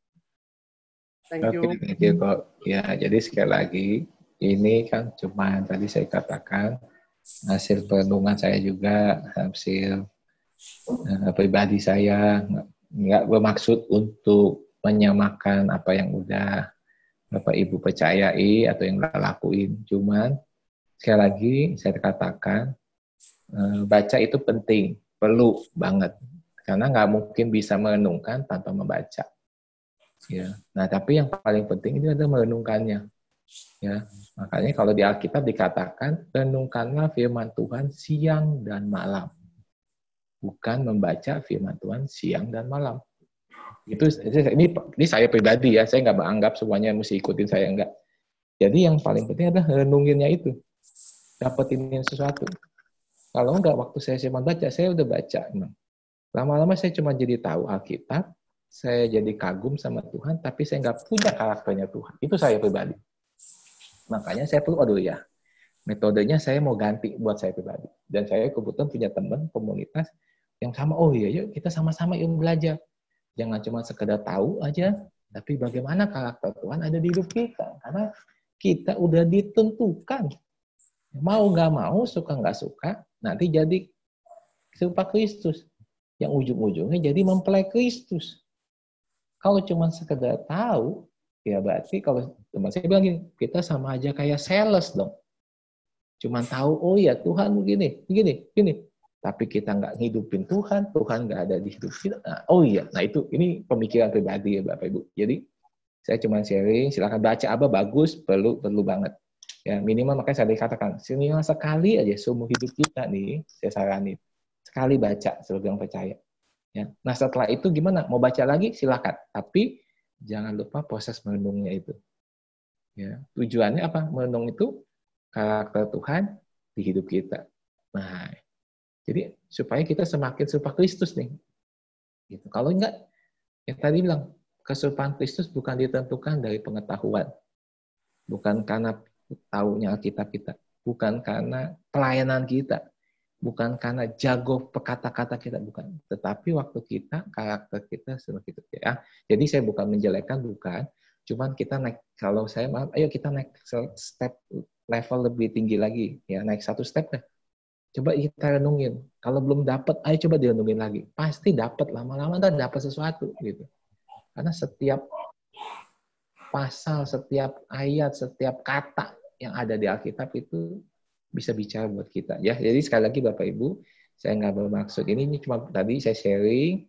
Sekali lagi saya tidak bukan mengajar doktrinasi, bukan. Cuma pemikiran-pemikiran, sharing-sharing kehidupan gitu. Jadi yang mau baca apa silakan lanjutin. Tapi ayo kalau mau sekalian renungin gitu ya. Nah renunginnya itu yang kalau saya tadi itu karakternya. Oke, saya mau belajar karakter Tuhan lah gitu. Supaya itu nempel ke saya. Bukan pengetahuannya tapi karakternya gitu. Nah itu ya. Jadi eh, mohon jangan sampai salah paham. Ini jadi saya nggak bermaksud untuk menginjak seperti itu juga enggak tapi ya kalau mau ya nanti kita bisa sama-sama belajar. Kalau enggak juga nggak apa-apa begitu bapak ibu ya. Yang lain mungkin silakan yang mau sharing-sharing lagi atau menambahkan gitu atau ada berbagi pengalaman silakan boleh ya siapa di sini Tante Susan, Ibu Anita, Ibu Juni, Heri, Bu Johan, Budi, Pandi Ponggo, Bu Julianti, Cihani, Bu Santi. Eh, Pak Eko mana Pak Eko? Udah hilang Pak Eko. Oke, eh siapa yang mau sharing-sharing gitu? Ya, eh, dari saya. Ya, ya. Pak Andri. Silakan Pujan. Ya, jadi kalau saya sih lihatnya tadi Salah satunya adalah kasih uh, sabar menanggung segala sesuatu. Jadi kalau kita lihat kondisi yang sekarang ini, bagaimana kita menghadapi pandemi COVID ini, kita boleh mengalami bersama gitu ya, saat-saat di mana lockdown, PSBB, dan itu menurut saya adalah bagaimana sih kita sebagai anak-anak Tuhan gitu ya, menanggung dalam kondisi seperti ini. Mungkin ini nggak satu yang mudah gitu ya. Ada ada teman komsel juga yang uh, ada impact-nya lah terhadap kondisi seperti ini. Cuma mungkin saya nggak perlu sebutkan namanya, yaitu setiap orang uh, mungkin ada yang uh, langsung kena dampaknya, mungkin ada yang nggak kena dampaknya, atau mungkin malah kebalikannya gitu ya, malah mendapatkan berkat dengan adanya lockdown ini. Cuma kalau kita lihat gitu ya, uh, saya pada saat saya perenungan itu uh, Tuhan kasih di Mazmur 73 itu bagaimana uh, Asaf gitu ya. Uh, Asaf seorang Lewi pemimpin pujian itu juga mengalami yang namanya pergumulan dan pengharapan ini. Bagaimana dia melihat bahwa orang-orang fasik itu diberkati gitu.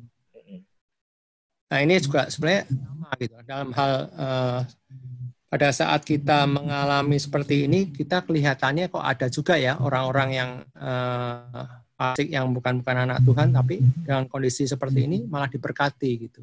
Juga di satu sisi ada juga yang anak-anak Tuhan ada yang mengalami gitu ya. Dampak ini ada yang lah masa misalnya di PHK atau misalnya dia nggak bisa melanjutkan usahanya karena uh, nggak ada nggak ada pelanggan lah artinya yang tergantung pada pelanggannya. Dan ini uh, menyebabkan usahanya nggak bisa lanjut gitu. Ini sama seperti pergumulan tadi ya Asaf itu ya. Bagaimana uh, dia pada saat di awalnya itu menarik sekali gitu. Saya baca gitu ya bahwa di yang Mazmur 73 ayat 1 gitu ya. Sesungguhnya Allah itu baik bagi mereka yang tulus hatinya, bagi mereka yang bersih.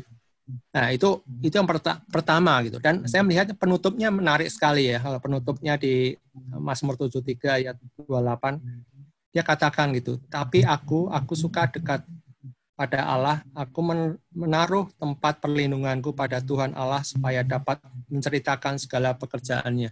Jadi pada kondisi seperti ini sebenarnya waktunya ini sekolahnya sekolah yang Tuhan berikan buat kita gitu. Nggak ada lagi. Mungkin kita ini yang terakhir kali bisa jadi ya kejadian yang seperti ini dalam sepanjang umur hidup kita itu mungkin sekali ini aja gitu yang kita nggak bisa akan ulang lagi gitu walaupun uh, itu terjadi ya kita nggak tahu ya tapi menurut saya ini suatu kejadian yang Tuhan izinkan yang di mana kita sebagai anak-anak Tuhan bagaimana kita menghadapi uh, pandemi COVID ini gitu ya. Mungkin saya sendiri mungkin sudah uh, hampir dua bulan lebih kerja di di rumah gitu ya bagaimana itu mengubah segala sesuatunya gitu ya untuk perubahan dalam kehidupan. Juga anak-anak sekolah gitu ya, di mana sekolahnya nggak bisa secara uh, sekolah tapi bisa melalui online gitu ya. Dan ujian pun itu melalui online semua. Jadi ada ada semuanya itu mengalami perubahan gitu.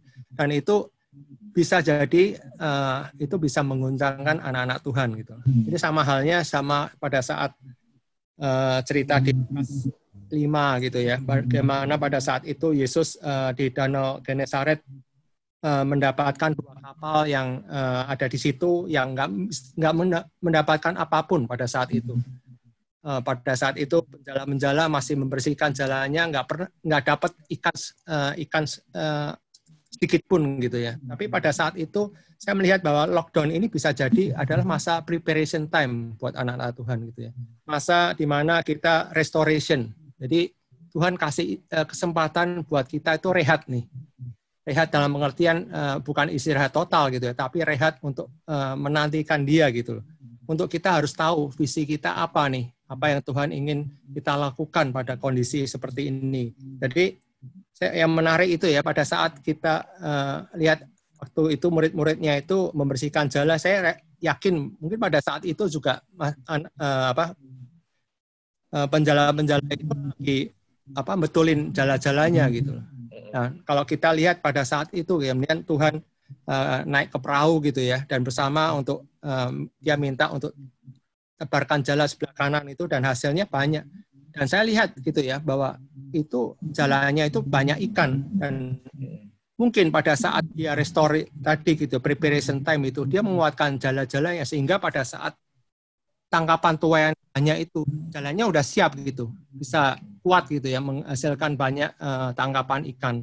Itu yang sebenarnya kalau kita mungkin ini saatnya kita perenungan buat kita masing-masing gitu ya. Apa yang sebenarnya Tuhan inginkan untuk kita lakukan dalam masa seperti ini gitu mungkin ini uh, saatnya kita uh, bisa jadi ada yang mencucurkan air mata ada juga yang kita masa yang di mana kita harus uh, prihatin. Tapi kalau kita lihat bahwa segala sesuatunya, menurut saya tadi seperti uh, uh, sampaikan gitu ya, bahwa semua itu kita harus alami semua itu dengan sukacita gitu bersama Tuhan. Kita harus tulus hati dan kita harus percaya bahwa Tuhan itu menyertai kita semuanya gitu. Memang tadi yang Hendri bicarakan itu ya itu sekolah gitu ya semuanya ada proses untuk uh, kita waktu sekolah kita ada proses ujian atau naik kelas gitu kan itu semua ujian dan inilah saatnya gitu pada saat pandemik ini menurut saya ini adalah waktunya sekolah benar-benar praktek nih bersama gitu apakah kita bisa melalui segala sesuatunya ini dengan uh, tulus hati yang tadi dikatakan ya. Tulus hati dan kita bisa menanggung segala sesuatunya dengan uh, sukacita bersama Tuhan. Itu aja tambahan dari saya. Terima kasih. Oke okay. Oke, ada lagi? Bapak Ibu yang mau sharing silakan. Kita ada waktu beberapa menit lagi ke depan. Atau ada yang mau dapat apa sharing belajar sesuatu yang baru hari ini? Itu boleh atau mau nambahin silakan.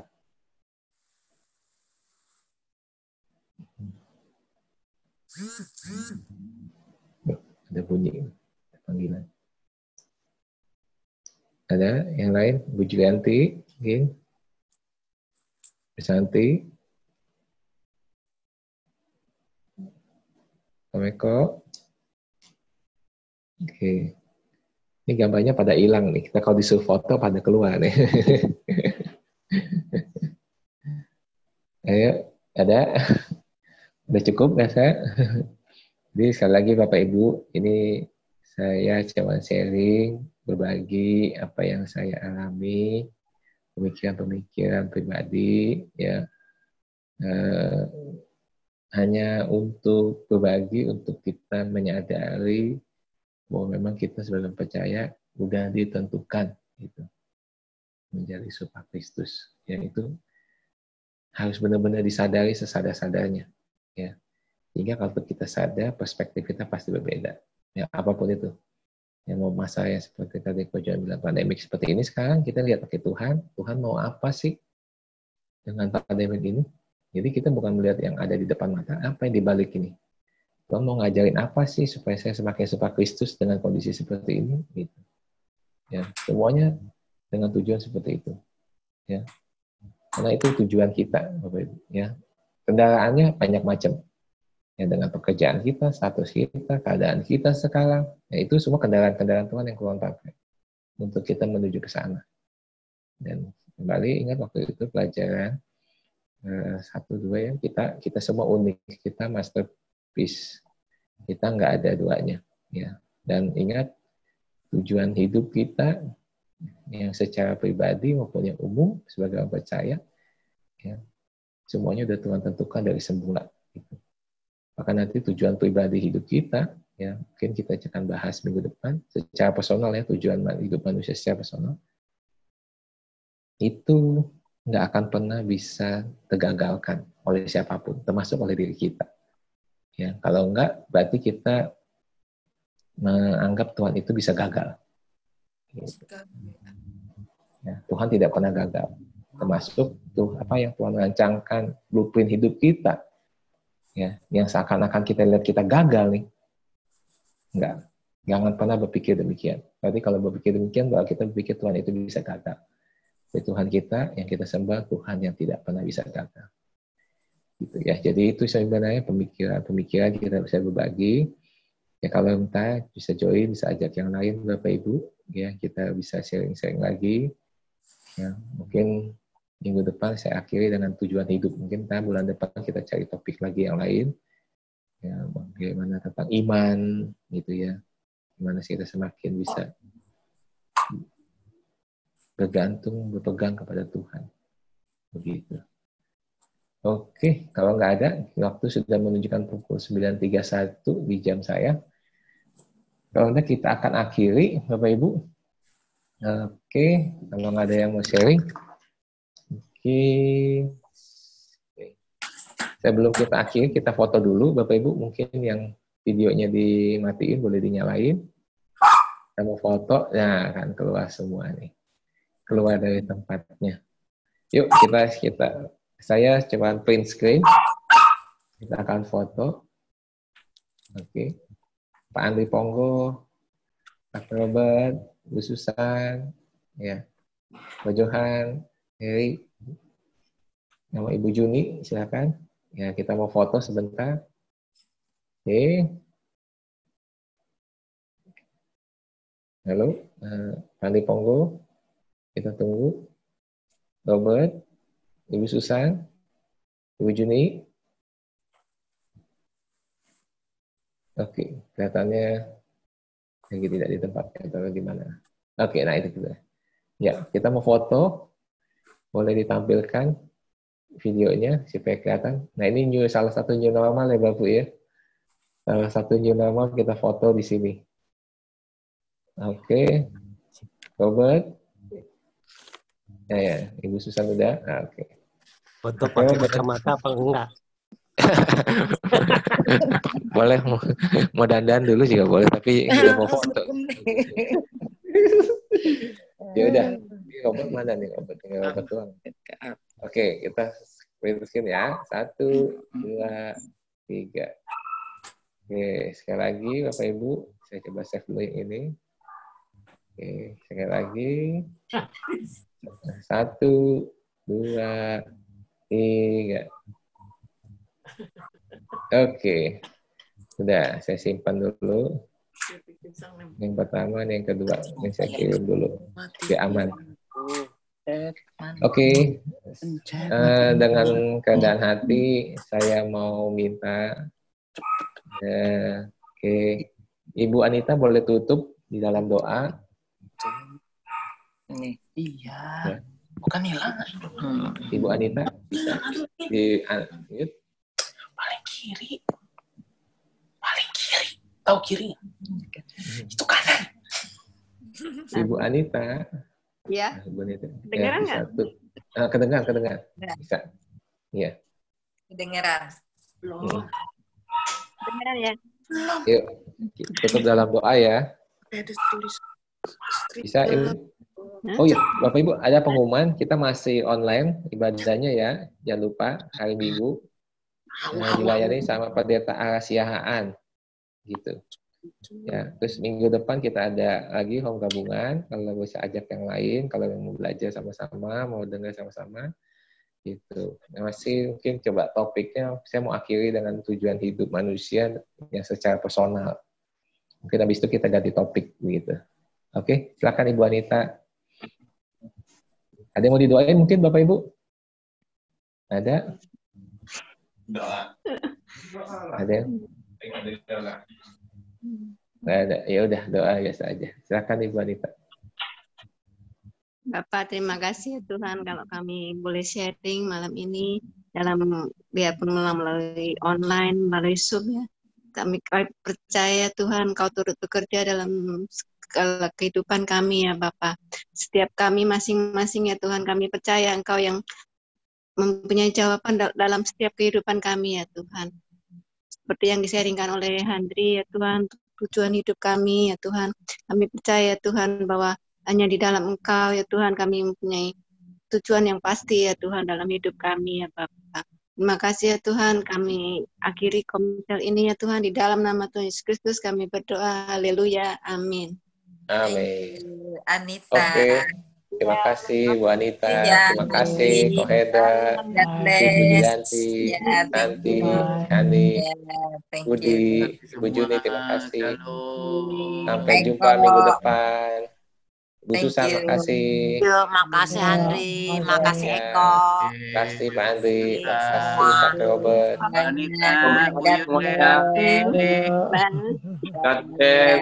Bu Santi. Ya, bye-bye. Oke. Berkati. Amin, amin.